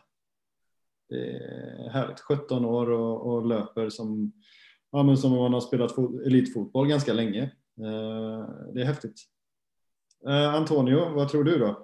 Ja, det blir tufft det här. Alltså jag, Örebro, jag skojar mycket om dem och säger att man bryr sig inte riktigt om Örebro, men jag tycker faktiskt de har gjort ett intressant fönster. Jag tillägga, jag tycker att de har en intressant trupp. Jag lyfter gärna fram några spelare som man ska spana lite extra på här i Örebro. Och det, de har ett par spelare som är otroligt mycket, gillar att dribbla. Mm. Eh, de har Kevin Alvarez där, Sierra Leone backen eh, som är en väldig kille som ska hålla på och dribbla av sig. Han kan både blanda och ge det där försvaret. Han kan gå på sina ruscher och ha en fantastisk dag, men han är ganska ojämn. Har han en sämre dag där så ska vi kunna nyttja hans eh, kanske ruscher lite grann. Men jag tycker det Örebro är starka på är att de har ett bra försvar. De har ju värvat, värvat tillbaka sin dansk där från förra året. Eh, Skovgard Mm. Spelat i Heerenveen innan. Jättebra back. De har en ny målvakt, Bobby Alain. Han kan man inte mycket om. De, hade, de var ju starka innan där på målvaktssidan med Oskar Jansson mm. som lämnade för Örebro. Där är, de har ju sån här hat, Örebro-Norrköping. Mm. Det är mm. inte han där. Det är dålig stämning där. Han stack ju till Peking. Bobby Alain vet man inte mycket om. Om det där är en fågel eller fisk. Får ändå säga dock att mittfältet i Örebro imponerar. Mycket rutin. Vi har Gersic, vi har Kevin Walker, vi har Broberg. Eh, de har Martinsson. Det finns rutin. De mixar också det med en fin talang. De har en intressant mm. nummer åtta som jag kommer vilja titta lite närmare på. Dennis Kolander. 18 år, tog för sig bra förra säsongen, en liten joker i leken. Det fina med Dennis där är att det där är, alltså han, är, han, är, han är grym i närkamp. Det är en ganska tuff jäkel de har att göra med det. Så det, det är en kille som inte är rädd att gå in i dueller. Eh, väldigt bra, bra på huvudet. Eh, väldigt ung. Sen Jake Larsson, hade en tuff förra säsong, var ju lite hypad för två säsonger sedan. Se om det blir lite revansch för honom. Det är en intressant spelare, duktig på att dribbla. Ja, Örebros... Hans bror gick bort i fjol, va? Ja, så det, varit, det var ju en tung säsong för honom. Det var ju en familjetragedi där för Jake. Eh, bristen som jag tycker Örebro har så är det väl egentligen på anfallssidan. Tycker inte det är så starka namn de har på topp. Det är ju Agon Mehmeti, Hymmet bland annat. Det är mm. spelare, det är inga skyttekungar vi har att göra med där. Men ehm, Eh, ja, Agon Mehmeti gjorde fyra mål på åtta matcher och Hymmet fem på 24. Inte mm. riktigt statistik som imponerar där. Men det blir tufft. Det blir slaget om mittfältet får jag säga. Vi mm. kommer ju köra tungt på mitten. Ehm, jag, räknar, jag ropar inte och säger att en trepoäng är enkelt ta hem här. Ehm, jag tror inte vi förlorar. Det tror jag inte. Ehm, jag tror absolut vi, vi ska gå för poäng där uppe. Men eh, vi måste vara, jag hoppas en sån som Willem som får chansen. Det är sådana här matcher han ska ta tillfälligt i akt. Robin Söder får spela. Hoppas Hamsik ändå får lite speltid. Mm. Eh, sen Tobias Sana hoppas han igång. Jag tycker Sana har varit bra. Jag tycker han är väldigt bra. Norlin hoppas jag får chansen. Det är en kille som jag tror vi ska kunna nyttja en sån här match. Få lite fart på det hela. För det blir, kan bli ganska grötigt i mitten här mot Örebro. Så vi behöver få till lite spets, lite speed för att luckra upp spelet mot Örebro. Ja. Ja. Det var en jättefin analys av sakernas eh, tillstånd. Jag, jag, jag tror att Blåvitt vinner eh, och jag hoppas att Wilhelmsson får göra sitt första allsvenska mål. Det hade varit kul. Verkligen. Eh, vi har, innan vi ska avsluta, några frågor. En ja. sak bara där. En sak bara, Daniel. Alltså det, som, alltså det, det är ju en sak, jag vill bara tillägga det. Det här är första försäsongen som har bara varit på konstgräs. Vi ska komma ihåg detta. Det här är första säsongen. Vi har inte varit utomlands och fått spela på gräs. Mm. Eh, vi har bara harvat runt i konstgräs. Kom ihåg vad August Erlingmark sa i förra avsnittet? Han sa ju det att det blev sån skillnad när de mötte Malmö FF. Det var första gången de fick gå ut på plan med vanlig gräs, vilken skillnad det var. Jag är inte orolig för Örebro-matchen. Jag är mer orolig för vår hemmapremiär. När första matchen ska spelas på gräs. Hur är skicket på Gamla Ullevi? För nu är man van att spela många matcher där bollen får röra sig snabbt. Det är liksom inget glapp. Man har liksom en, haft en hel försäsong när man vet hur bollen rör sig, hur den ter sig och vart den är på väg. Till att äntra nu en bedrövlig kall vinter. För gräsmattor har det varit katastrof. Jag är mer orolig för hemmapremiären än vad jag är på premiären borta mot Örebro. Ja, och du var ju lite orolig inför bortapremiären också. Jo, men jag är konstant orolig. Men det finns grader i Nordal. Det är sant. Det ska man veta. Det är sant. Du lät som Nordahl. Det var väldigt likt. Åh! Det kan vara Orolig. det finaste jag har hört Ja. på väldigt länge. Jag är orolig. Har, har, har du fått träffa Thomas Nordahl, Torbjörn? Eh, ja, ja. Oh, ja. Han är fin. Han måste vara trevlig att sitta och ta en kaffe med, eller? Eh, det har jag aldrig gjort, men eh, han är Nej. trevlig. En trevlig prick. Ja.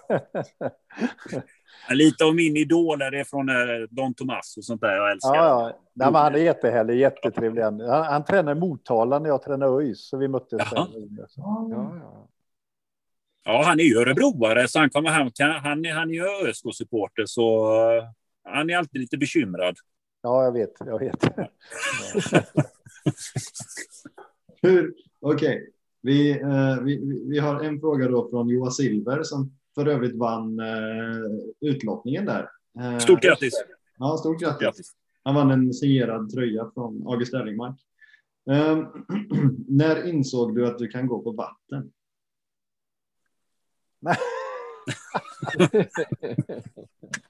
Det var, det var en konstig fråga. Ja. Och sen var det en fråga som hänger ihop jag- med det. Ja, men jag, jag kan ge ett svar, ett litet svar i alla fall. Det, det var när man spelade Europacupmatcher och det satt 50 000 på läktarna. När man Mm. sprang in så kändes det som man sprang på vatten. Ah, Mm. ja, vad fint. Ja, Men, eh, och sen var det en annan fråga som hängde ihop med, med smeknamnet Gud då. Eh, och det är hur du, alltså hur det, dels då hur du ser på det smeknamnet men också hur, hur, hur det känns. eh, jag känner mig jättehedrad för det. Så att jag... Eh, nej, jag, jag, har alltid haft problem med att förhålla mig till sådana saker. Mm. Eh, men det, här, det, det, det sitter i hjärtat. Jag är väldigt glad att att få vara på den nivån, om jag får säga så.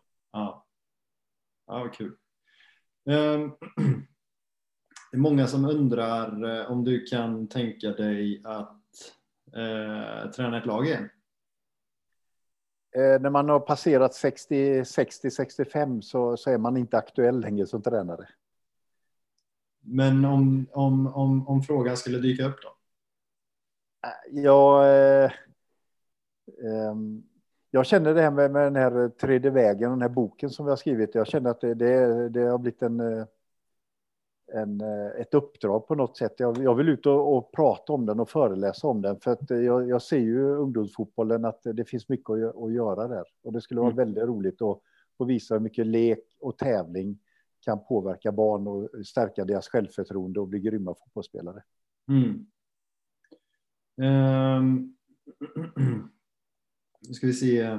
Ehm, ja, det blev ju bara ett år, eller det blev ett halvår i Blåvitt eh, som, som anfallstränare var titeln va? Ja, Varför blev det inte mer? Är det någon som undrar? Eh, ja, om, om jag bara säger så här utan att hänga ut någon så kan jag bara säga så här. Jag och Mats Gren, vi hade ett fantastiskt samspel det halvåret vi spelade ihop. Mm. Eh, men vi hade inget bra samspel eh, när det gällde det där. Okej, Ja, All right. Det är väl det enda jag vill säga bara. ja, okej. Ja. Ehm, det känns som att jag har fipplat bort lite eh, frågor här eventuellt. Ehm, ja, vem tror du blir Blåvitts, eller eh, Blåvitts, Blåvitts nyckelspelare? Står det. Vem, vem, ja, vem, vem tror du kommer vara viktigast för Blåvitt i år? Eh, Sanna har du gjort det väldigt bra. Sen tror jag att eh, Tän eh, verkar ju vara både produktiv och kreativ. Det, det, är inte alla som har den egenskapen. Det är många som är kreativa och administratörer. De jobbar bra och är väldigt kreativa, men det leder inte till någonting. Men jag tror att eh, Tern har alla tre de här ingredienserna. Mm. En fråga från Antonio Matanovic. Vad fick du lära dig om Götene när Daniel Andrén ringde dig? Nej, det var ingenting. Han, han inte ens... Fick vi sagt Götene idag också? det fick du i alla fall. Ja.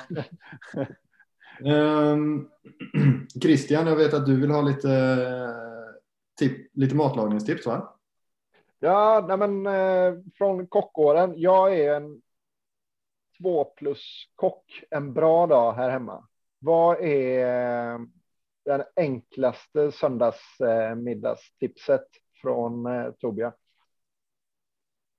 Eh, det hade varit annorlunda för 20 år sedan, för jag, jag har nästan ja. blivit, jag och min fru har nästan blivit vegetarianer nu. Ja.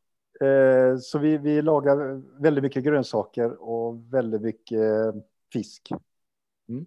Eh, men, och sen är vi, italien, vi gillar italiensk mat också. Så om jag får säga så här, en, en god söndagsmiddag så hade jag inte blundat för kålpudding med potatismos och lingon. Men du, då har jag ett tips till dig Torbjörn. Ja. Eh, kålpudding kan du göra på anammas eh, väggfärs. Jag vet det, jag har inte vågat än. det blir eh, toppen. Vilk, vilket ah. märke var det på den väggfärsen? Det finns massa olika, men just den här jo. var anamma. Anam ja, testa ja. väggmi. Den är rätt trevlig faktiskt. Det finns den andra Piece of Heaven där. Den tycker jag är bedrövlig. Den luktar knepigt också. Men eh, brukar jag gå på. Den är trevlig. Om, om du ska göra på, eh, eh, kålpudding så ska du ha... Eh, smeten ska vara väldigt lös. Mm. Ah, för den binder ihop sig. Så ha, ha, gärna pressad potatis i smeten. Jaha. Mm. Och, så mycket, och så mycket sirap när du, stek, eh, när du steker, vad heter det, eh, kålen. Ja. Förväller och steker den. Okej. Okay. Härligt. Då blir det kålpudding hemma framöver. Ja, med lingon. Ja, det är så gott. Och potatismos. Ja. Nu, ja, nu vattnar det i, i, i munnen. Här. Ja, jag har också en matfråga till Torbjörn.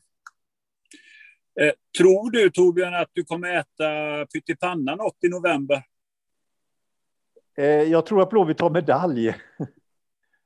Men vilken valör. Så, så eh, det är nog lite stolpe in och lite skador som avgör. Vem tror Men, du vinner? Eh, ja, det, det, är fem lag som kan vara med och slåss om det tror jag. Det är ju eh, Malmö, Djurgården, Hammarby, Häcken och så Blåvitt som en liten outsider.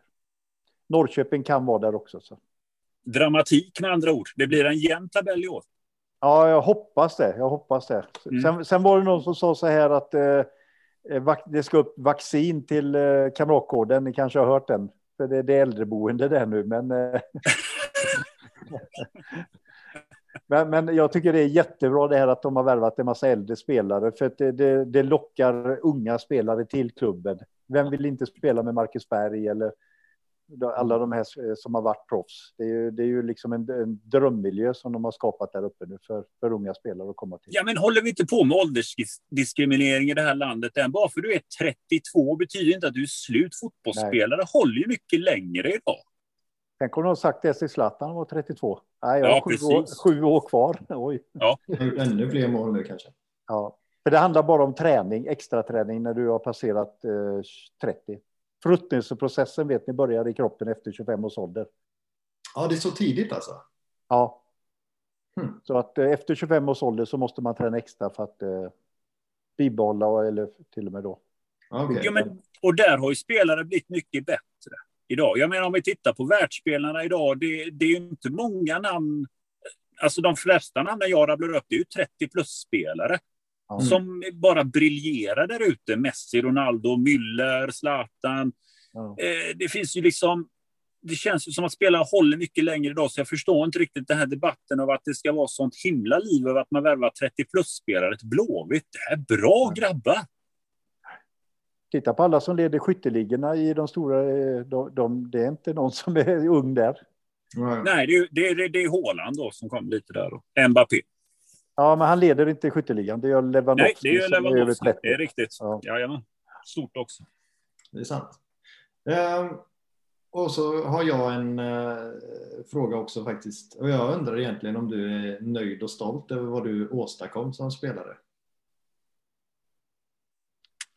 Eh, ja, jag borde ju vara det, men jag kände att jag kunde gjort mer. Jag kunde slått den där jävla straffen i Barcelona. Ja. Ja, Jag kunde gjort en bättre eh, landslagskarriär. Eh, men som sagt, eh, jag borde ha gjort eh, 70-80 landskamper och 20-30 mål. Men eh, nu blev det bara 28 landskamper och 9 mål. Så att, eh, jag får leva med det, men jag är stolt ändå. ja, alltså det är ju, ja, det är ju, ehm, Finns en anledning till att du blir kallad Gud? ja, Ja, 329 mål på 444 matcher och, lite, och, och så det där som jag räknade upp innan. Men du får tycka vad du vill såklart.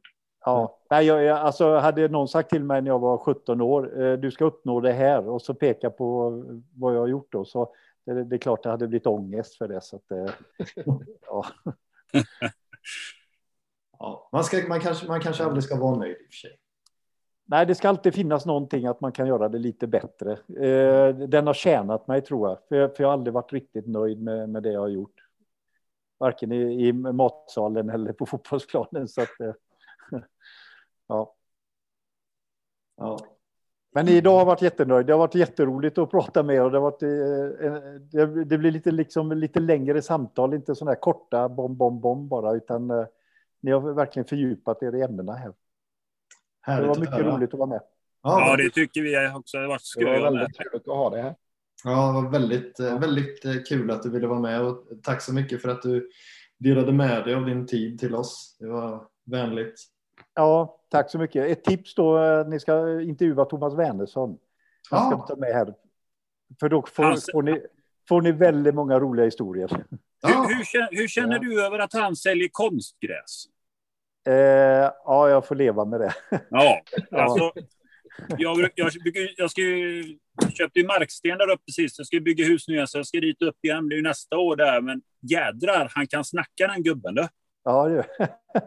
Han går inte få stopp på. Nej, jag fattar ju att han säljer konstgräs till vem som helst där ute. För han kan snacka den. Ja. Ja, jag måste bara berätta en historia som jag fick, fick av Kör. honom för ett, för ett år sedan. Den fick jag reda på för ett år sedan. Det var när vi, vi mötte Valencia i Uefa-cupen på bortaplan. Och då sa Svenny så här tidigt eh, eller på taktikgenomgången till Wennersson och laget. Tänk nu på Frank Arnesen, han skjuter från långt håll. Han hade ett väldigt bra skott, Frank Arnesen, han spelade danska landslaget. Och vad händer i matchen? Eh, Valencia får en frispark från 30 meter som Frank Arnesen drar i närmsta stolpen. Och alla undrar, men Wernersson, vad gör du? Det ska man ju ta från 30 meter, en frispark. Ingen mur, ingenting. Och sen får vi, re- jag får reda på det ett år. Det, det visar sig att Thomas Wernersson hade ont i axeln och får en spruta av doktorn en, en halvtimme innan matchen ska starta. Men han får för mycket. Så han får inte upp armen. Och då säger Thomas Wernersson det till, till läkaren. Jag får inte upp armen. Ja, men då får du stå i rätt hörn, säger läkaren bara. I en kvartsfinal i en kvartsfinal i Uefa-cupen. Han var jätteduktig den här läkaren annars, men eh, där gjorde han ett litet fel tror jag. Det var lite för mycket bedövning. Ja, då vet ni den. Ni kan gå in och titta på, på målet på Youtube. Ja. Det får man alltid göra. Du Ja. Daniel, innan vi stänger ner här kan jag bara lägga ut ett tips till eh, supportrarna där ute. ja, absolut. Så här är det ju. Eh, Blåvitt släppte ju nya matchtröjor nyligen och eh, nu när det är allsvensk premiär ska man försöka klä upp sig så mycket som möjligt. Men jag lägger ju ett tips att Blåvitt-shoppen har ju också en fantastisk rea på förra årets tröjor om man skulle vilja titta på några av kollektionerna. Jag själv är ju lite svag för den gula tröjan. Mm. Jag har ju legat på tusenlappen hela tiden. Nu är den ju, har man sänkt den med, nu är den på 700. Så det finns många kap där ute som man, om man vill klä upp sig här nu till premiären så eh, knacka hem eller spring förbi med social distans in till Blåvitt-shoppen och shoppa på lite grann nu inför premiären så färgar vi stan. Ni vet vem som är bästa kund i Blåvitt-shoppen, va? Nej, Hamsik. vad bra. Hamsik är bäste kund. Han har tydligen handlat ofantligt mycket där. Ja, Jaha. han, jag har, ju- Ja, ja, hans, ja, hans eh, polare går ju omkring med kollektion hela tiden där. Ja, eh, precis. Är, men är det så han, eh, han, han, han pröjsat själv eller? Ja, det gör han. Han är inne där. Jaha, och- Han var, köpte, ja, han var uppe och, han var inne och köpte ett jäkla gäng tröjor fick jag hö- höra. Ja, men det är snyggt Mari, vilken det är ju gubbe. Ja. Kul.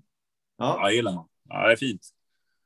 Men eh, då säger vi tack så mycket för eh, att ni har lyssnat och tack så mycket återigen till eh, Torbjörn och på återhörande. Krossa Örebro! Krossa Örebro! Ha det! Ja. Hej! Ha det bra. Hej, hej.